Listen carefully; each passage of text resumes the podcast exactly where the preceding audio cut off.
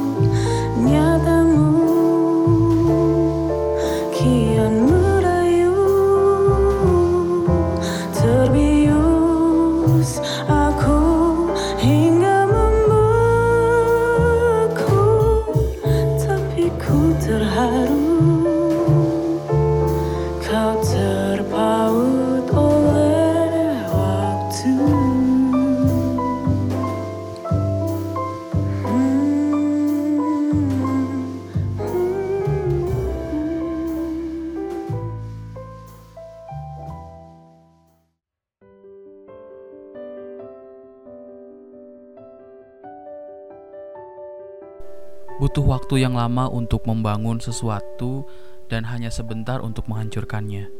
Semua yang sudah Alia dan Tama jalani kini hancur begitu saja.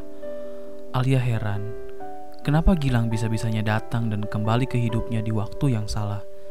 Di waktu ketika ada bunga kecil tumbuh di padang hati Alia dan bunga itu bernama Tama. Alia tidak menunjukkan senyumannya lagi setelah itu. Tama pun hilang dan tidak pernah mendatangi Alia lagi. Taman yang dulu mereka sering gunakan untuk bertemu, kini seperti ruangan berdebu yang sudah ditinggalkan lama oleh penghuninya.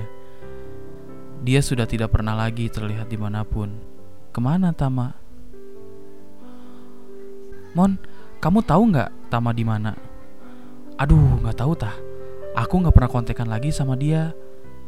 Kalau teman-temannya, temen, temen ya, kela-kela.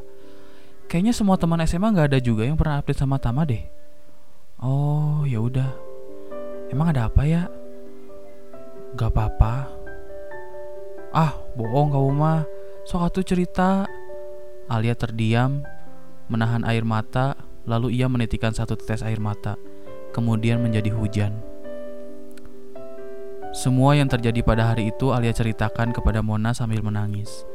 Dalam isaknya, dalam isaknya, nama Tama terasa sebagai seseorang yang membuat Alia merasa jadi orang yang begitu jahat.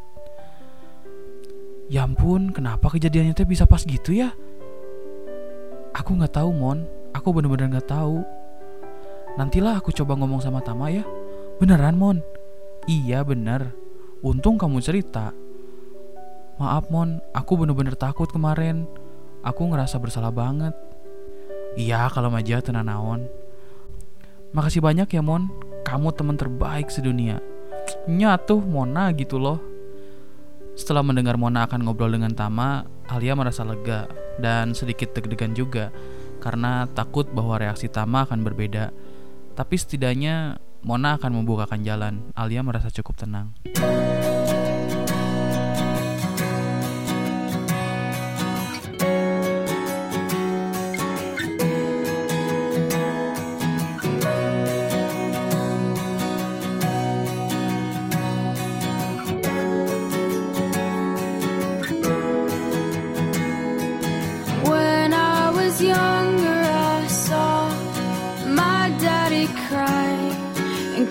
At the wind. He broke his own heart, and I watched as he tried to reassemble it. And my mama swore that she would never let herself forget. And that was the day I'd never sing of love if it does not exist. But darling, you are the only exception. Oh, you are the only exception. Oh, you are the only exception. Oh, you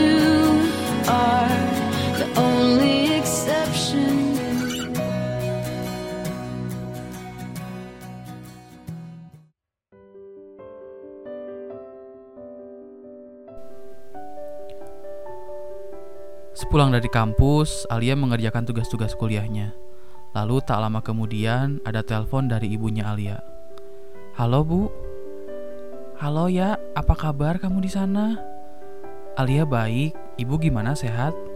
Alhamdulillah. Kamu sudah makan? Sudah bu, tadi di kantin. Ah, syukurlah.